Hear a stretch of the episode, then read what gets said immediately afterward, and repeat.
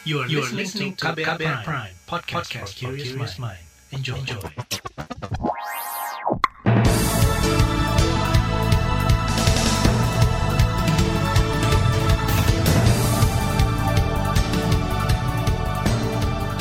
Halo selamat pagi saudara, senang sekali saya Reski Mesanto hadir di Buletin Pagi hari ini edisi Kamis 11 Maret 2021.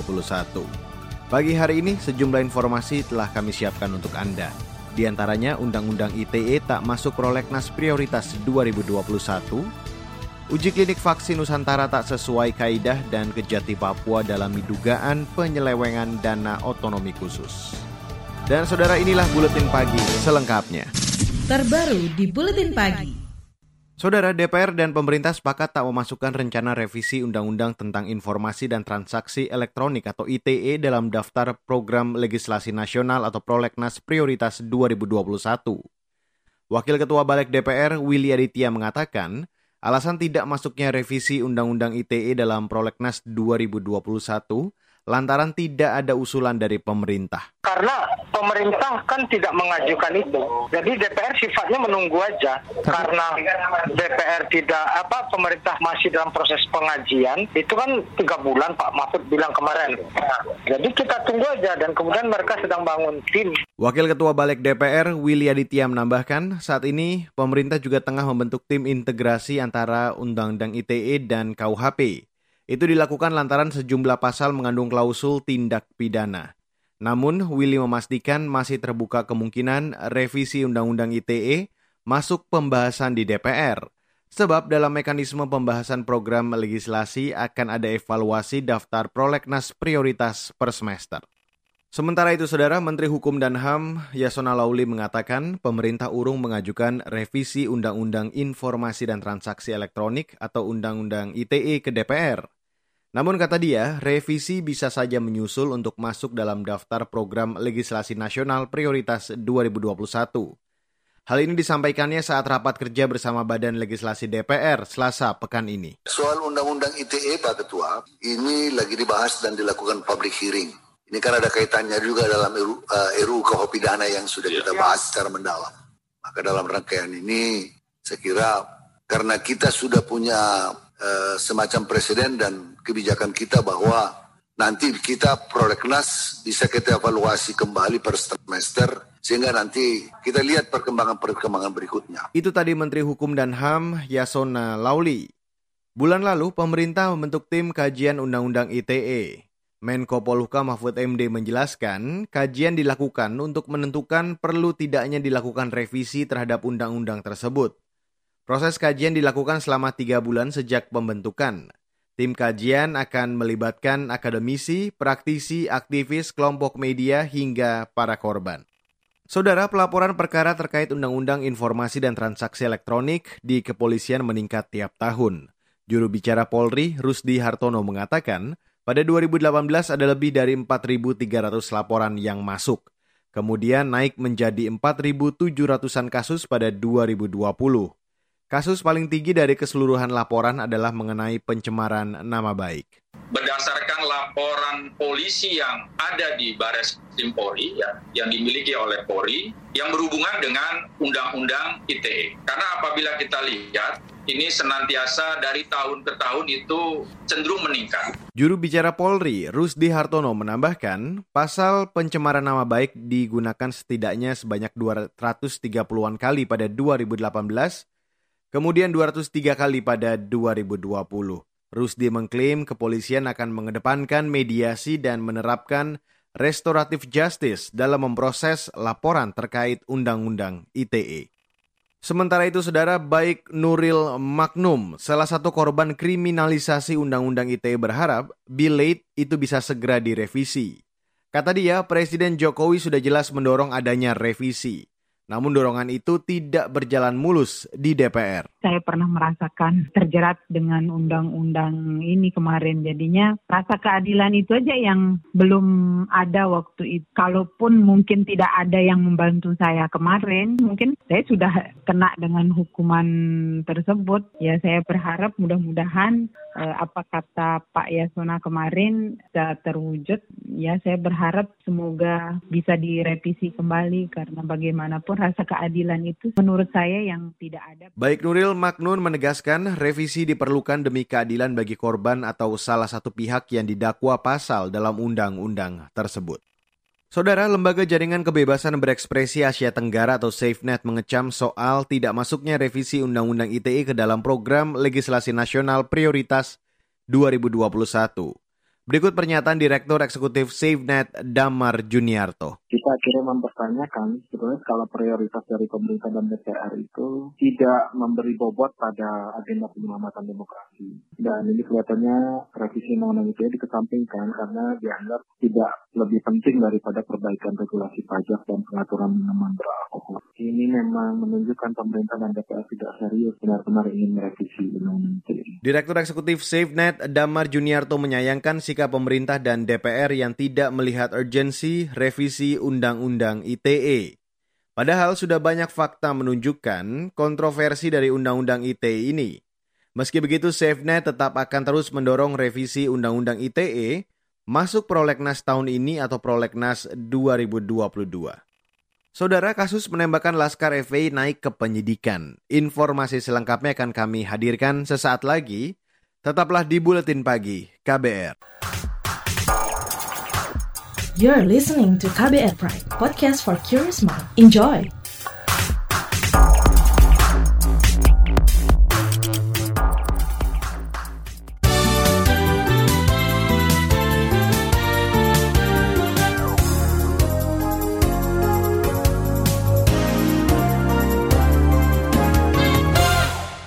Saudara, Anda sedang mendengarkan Buletin Pagi hari ini 11 Maret 2021. Saudara Presiden Joko Widodo meninjau proses vaksinasi COVID-19 untuk para seniman di Provinsi Daerah Istimewa Yogyakarta yang digelar di Padepokan Seni Bagong Kusudiarjo, Kabupaten Bantul. Jokowi hadir didampingi Ketua Komite Penanganan COVID-19 dan Pemulihan Ekonomi Nasional atau KPCPN Erlangga Hartarto. Dilaksanakan vaksinasi sebanyak 517 seniman, baik itu seniman musik, tari, seni rupa, pelukis, kemudian seni tradisional sampai modern, semuanya tadi divaksinasi. Jokowi menyatakan pemerintah harus merawat semangat agar para seniman yang bekerja di bidang seni tetap berkarya di tengah pandemi. Kemarin kasus positif virus corona bertambah lebih dari 5.600 ribu orang.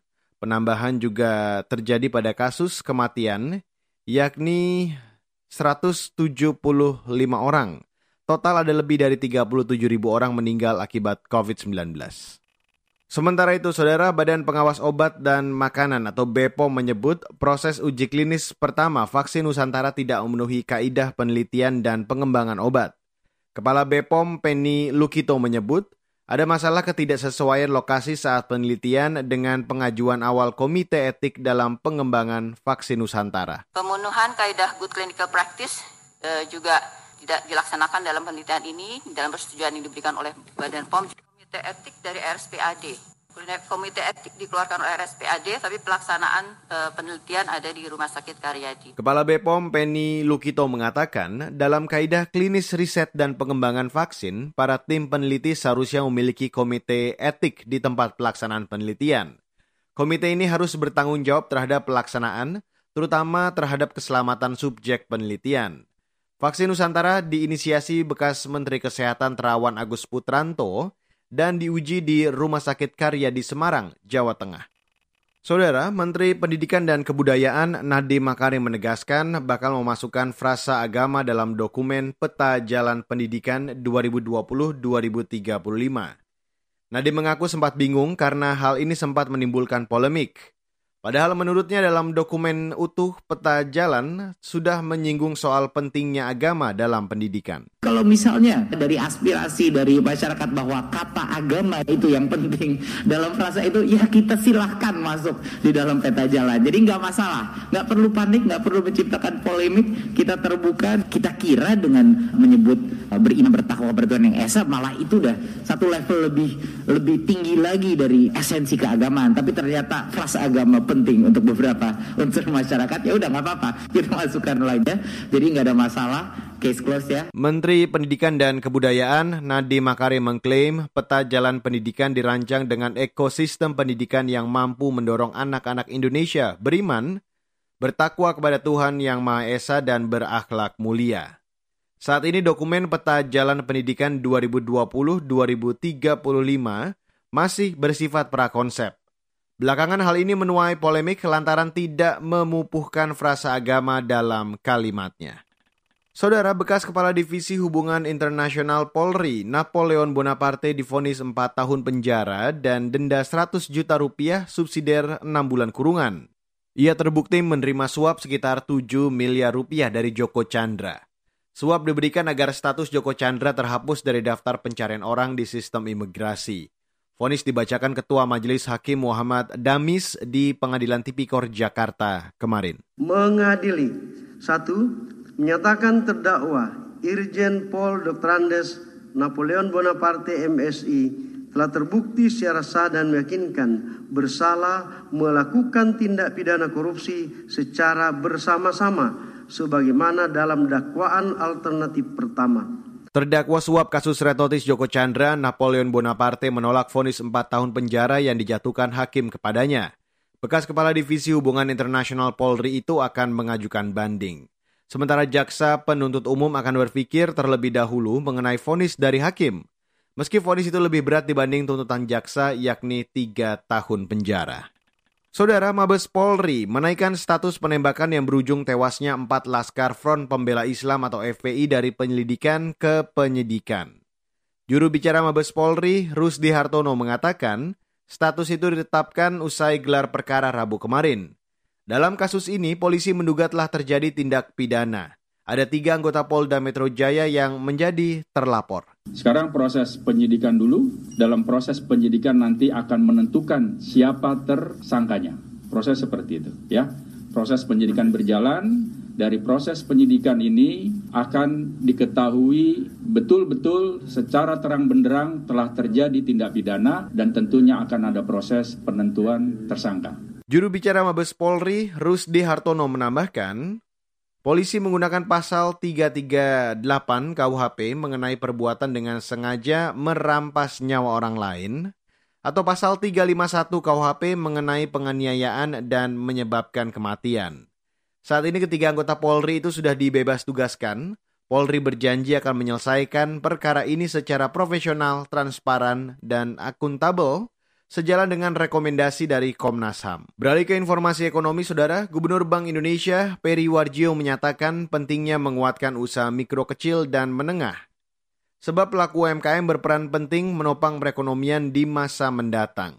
Namun, kemampuan wirausaha para pelaku UMKM membutuhkan dukungan berbagai pihak, di antaranya dukungan bantuan teknis dari segi produksi. Dengan perbankan, dengan asuransi, dan berbagai pihak, untuk memperkuat UMKM menuju ketahanan ekonomi nasional. Ayo, satu, kita berdayakan UMKM. Kedua, kita tingkatkan akses keuangan. Kita tiga, digitalisasi UMKM. Dan keempat, ayo belanja-belanja produk UMKM bangga buatan Indonesia. Gubernur Bank Indonesia Peri Warjio menambahkan, hal lain yang penting bagi UMKM adalah digitalisasi guna mengikuti perkembangan dunia digital saat ini. Untuk itu BI telah mengeluarkan QRIS yaitu teknologi transaksi digital practice. Tetapi kata dia, semua dukungan ini akan lebih bermanfaat jika konsumen semakin tertarik produk buatan asli Indonesia. Beralih ke mancanegara, saudara, sejumlah polisi Myanmar diperintah menembak mati demonstran anti kudeta. Namun mereka menolak dan memilih lari ke India. Tapeng adalah salah satu polisi yang menolak saat diperintah menembak demonstran dengan senapan mesin ringan di kota Kampat, Myanmar pada 27 Februari. Tapeng menyebut dia dan enam rekannya tidak mematuhi perintah atasan pada hari itu. Saudara pemerintah Presiden Amerika Serikat Joe Biden menjatuhkan sanksi pertamanya terhadap Iran. Sanksi dijatuhkan kepada dua pejabat tinggi Teheran atas tuduhan pelecehan terhadap tahanan politik dan penyiksaan pada 2019 hingga 2020. Dikutip dari CNN, meski Biden mendukung kembalinya diplomasi dengan Iran, namun ia tetap bersikeras bahwa Amerika Serikat akan menjadikan HAM sebagai prioritas termasuk dengan para sekutu Amerika Serikat seperti Arab Saudi. Beralih ke informasi olahraga, saudara, seorang pebasket dan dua official klub basket nasional positif COVID-19, yakni Rahmat Febri Utomo, pemain Bima Perkasa Yogyakarta, dan ofisial dari Satria Muda Pertamina dan West Bandit Solo. Mereka dinyatakan positif saat pelaksanaan sistem gelembung Indonesian Basketball League IBL 2021 di Robinson Cisarua Resort, Jawa Barat kemarin. Dilansir dari laman resmi IBL, Febri diketahui positif usai tes PCR. Akibatnya pertandingan Bima Perkasa melawan Satya Wacana ditunda.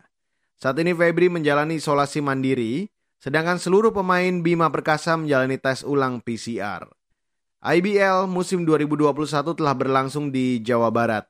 Sejumlah pertandingan sudah digelar kemarin. Saudara liputan khas KBR berjudul Upaya Pemerintah Bangkitkan Industri Film Indonesia akan kami hadirkan sesaat lagi. Tetaplah di Buletin Pagi KBR. You're listening to KBR Pride, podcast for curious mind. Enjoy!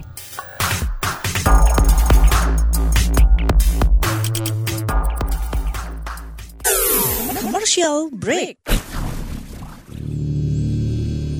Suatu hari, virus berkumpul dan mulai kebingungan. Duh, bingung. Mau nyari mangsa ke mana lagi ya? Iya nih, semua orang pada pakai masker. Aku ada ide.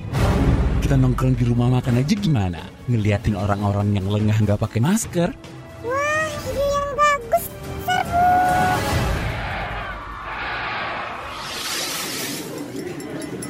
Hati-hati makan bersama saat pandemi. Sebaiknya pilih ruang terbuka, tetap jaga jarak kamu 1,5 meter jika duduk bersebelahan, 2 meter jika berhadapan. Batasi waktu makan bersama 30 menit saja dan jangan berbicara saat makan. Jika sudah selesai, gunakan kembali maskermu ya. Jangan sampai lengah, COVID masih ada. COVID masih ada. Pesan layanan masyarakat ini adalah kampanye bersama media lawan COVID-19.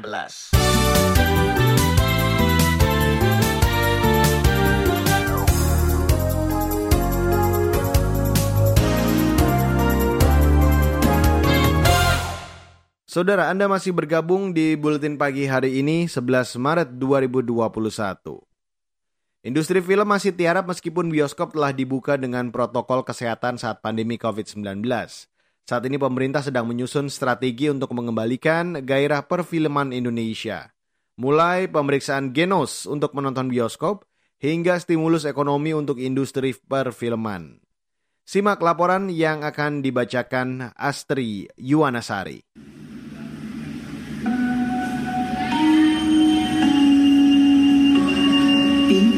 Teater 2 telah dibuka. Para penonton yang telah memiliki karcis dipersilakan memasuki ruangan teater. Mohon perhatian Anda. Suasana seperti inilah yang dirindukan oleh Utami, pekerja swasta di Jakarta Selatan. Ia adalah pecinta film Indonesia. Sebelum pandemi, Utami bisa nonton ke bioskop 2-4 kali per bulan. Namun sejak pandemi, ia sama sekali tidak pergi ke bioskop. Baginya, pembatasan sosial yang mengharuskan penonton berjarak mengurangi keasikan menonton di bioskop.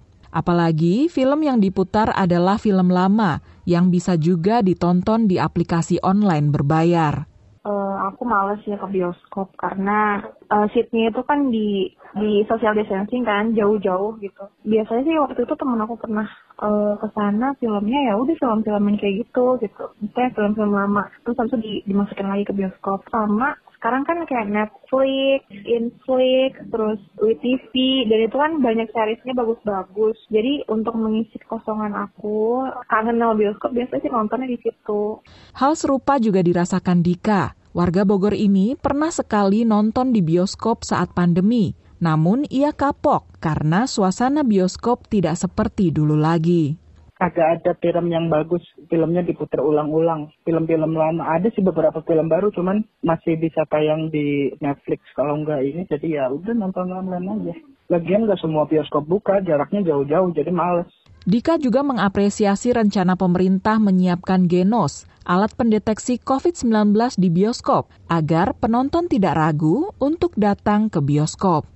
Namun, jika bioskop mematok biaya mahal untuk pemeriksaan genos, Dika tetap memilih menonton di rumah melalui aplikasi streaming tergantung biaya genosnya ya. Kalau genosnya murah sih ya oke oke aja. Kalau misalkan harga genosnya sama kayak tiket bioskop ya ngapain gue beli bayar dua tiket buat nonton yang bisa ditonton di online kayak gitu. Lesunya perfilman Indonesia selama setahun terakhir mendorong para sineas untuk mengirimkan surat terbuka kepada Presiden Joko Widodo. Selasa 9 Maret kemarin, Jokowi merespon surat terbuka itu dengan mengundang beberapa pelaku industri film Indonesia ke istana. Aktris Marcella Zalianti yang juga ikut hadir di istana mengatakan pemerintah harus mengupayakan pemulihan industri film Indonesia. Kata dia, industri ini berkontribusi besar terhadap pendapatan nasional Indonesia.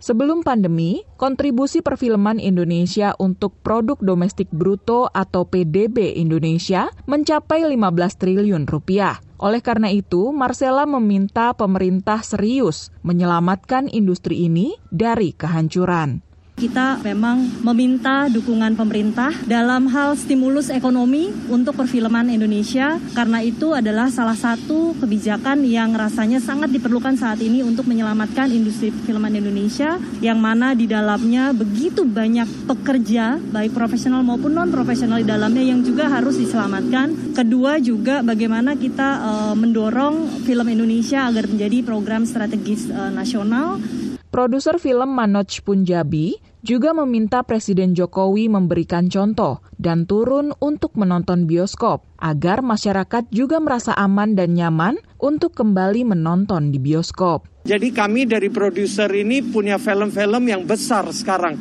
Kapan kita berani rilis di bioskop? Jadi ini dari ada tantangan bagi kami semua di sini dan selalu mulai dari atas. Jadi kalau Pak Presiden mendukung kita uh, merasa kita nyaman ke bioskop ini jadi nular ke bawah. Jadi itu goal kita adalah membalikan kepercayaan kembali ke bioskop, nonton film Indonesia. Menteri Pariwisata dan Ekonomi Kreatif Menparekraf Sandiaga Uno memastikan industri perfilman Indonesia menerima stimulus pembiayaan untuk sektor pariwisata dan ekonomi kreatif. Target penyaluran 100 miliar untuk akses pembiayaan. Kita ingin tahun ini kita tambah juga. Pak Presiden minta ada pemanfaatan dana stimulus untuk pemulihan ekonomi nasional PEN, untuk film, untuk musik, untuk events. Kita harus sentuh dengan berbagai program yang langsung dirasakan oleh ekosistem parekraf hari ini. Pak Presiden menerima para sineas dari industri perfilman, insan perfilman kita pastikan mereka mendapat sentuhan karena film itu adalah identitas bangsa. Demikian laporan khas KBR, saya Astri Yuwanasari. Saudara, informasi dari daerah akan kami hadirkan sesaat lagi, tetaplah di Buletin Pagi KBR. You're listening to KBR Pride, podcast for curious mind. Enjoy!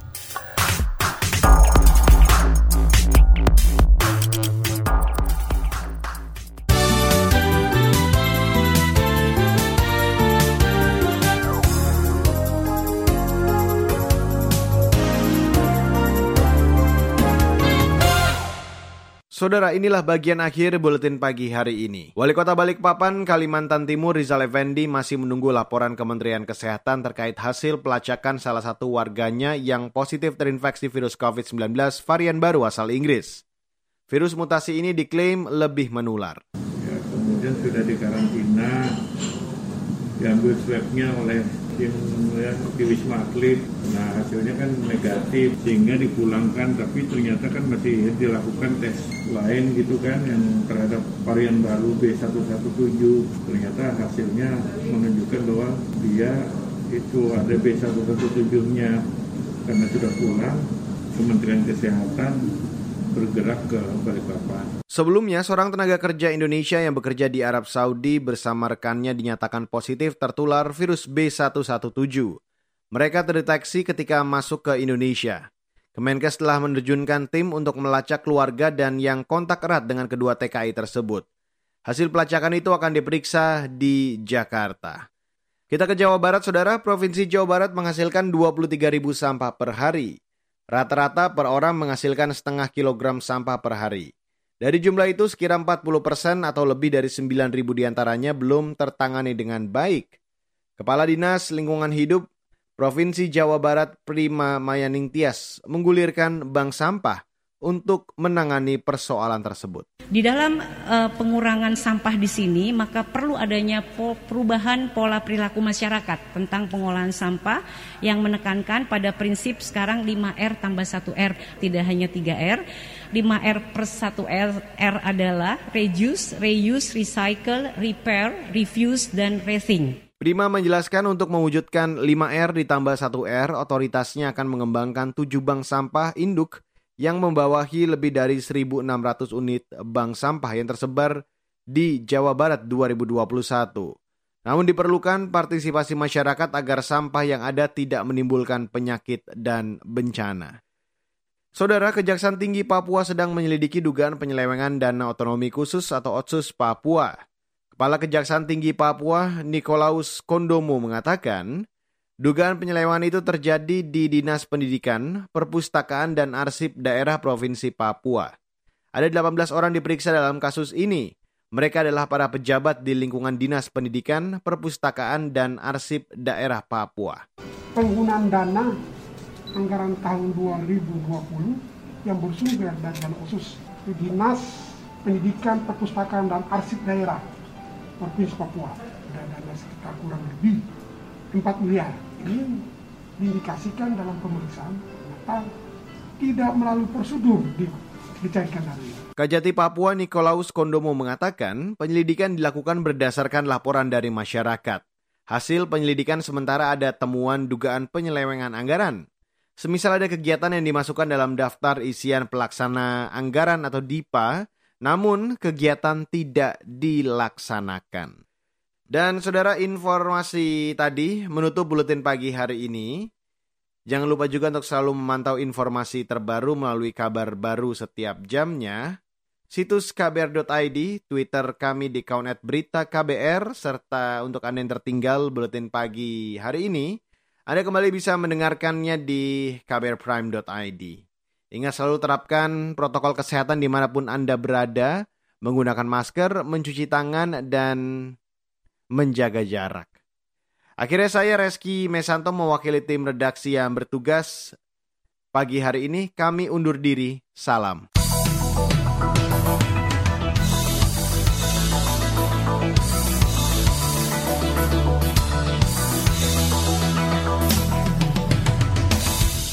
KBR Prime, cara asik mendengar berita. KBR Prime, podcast for curious mind.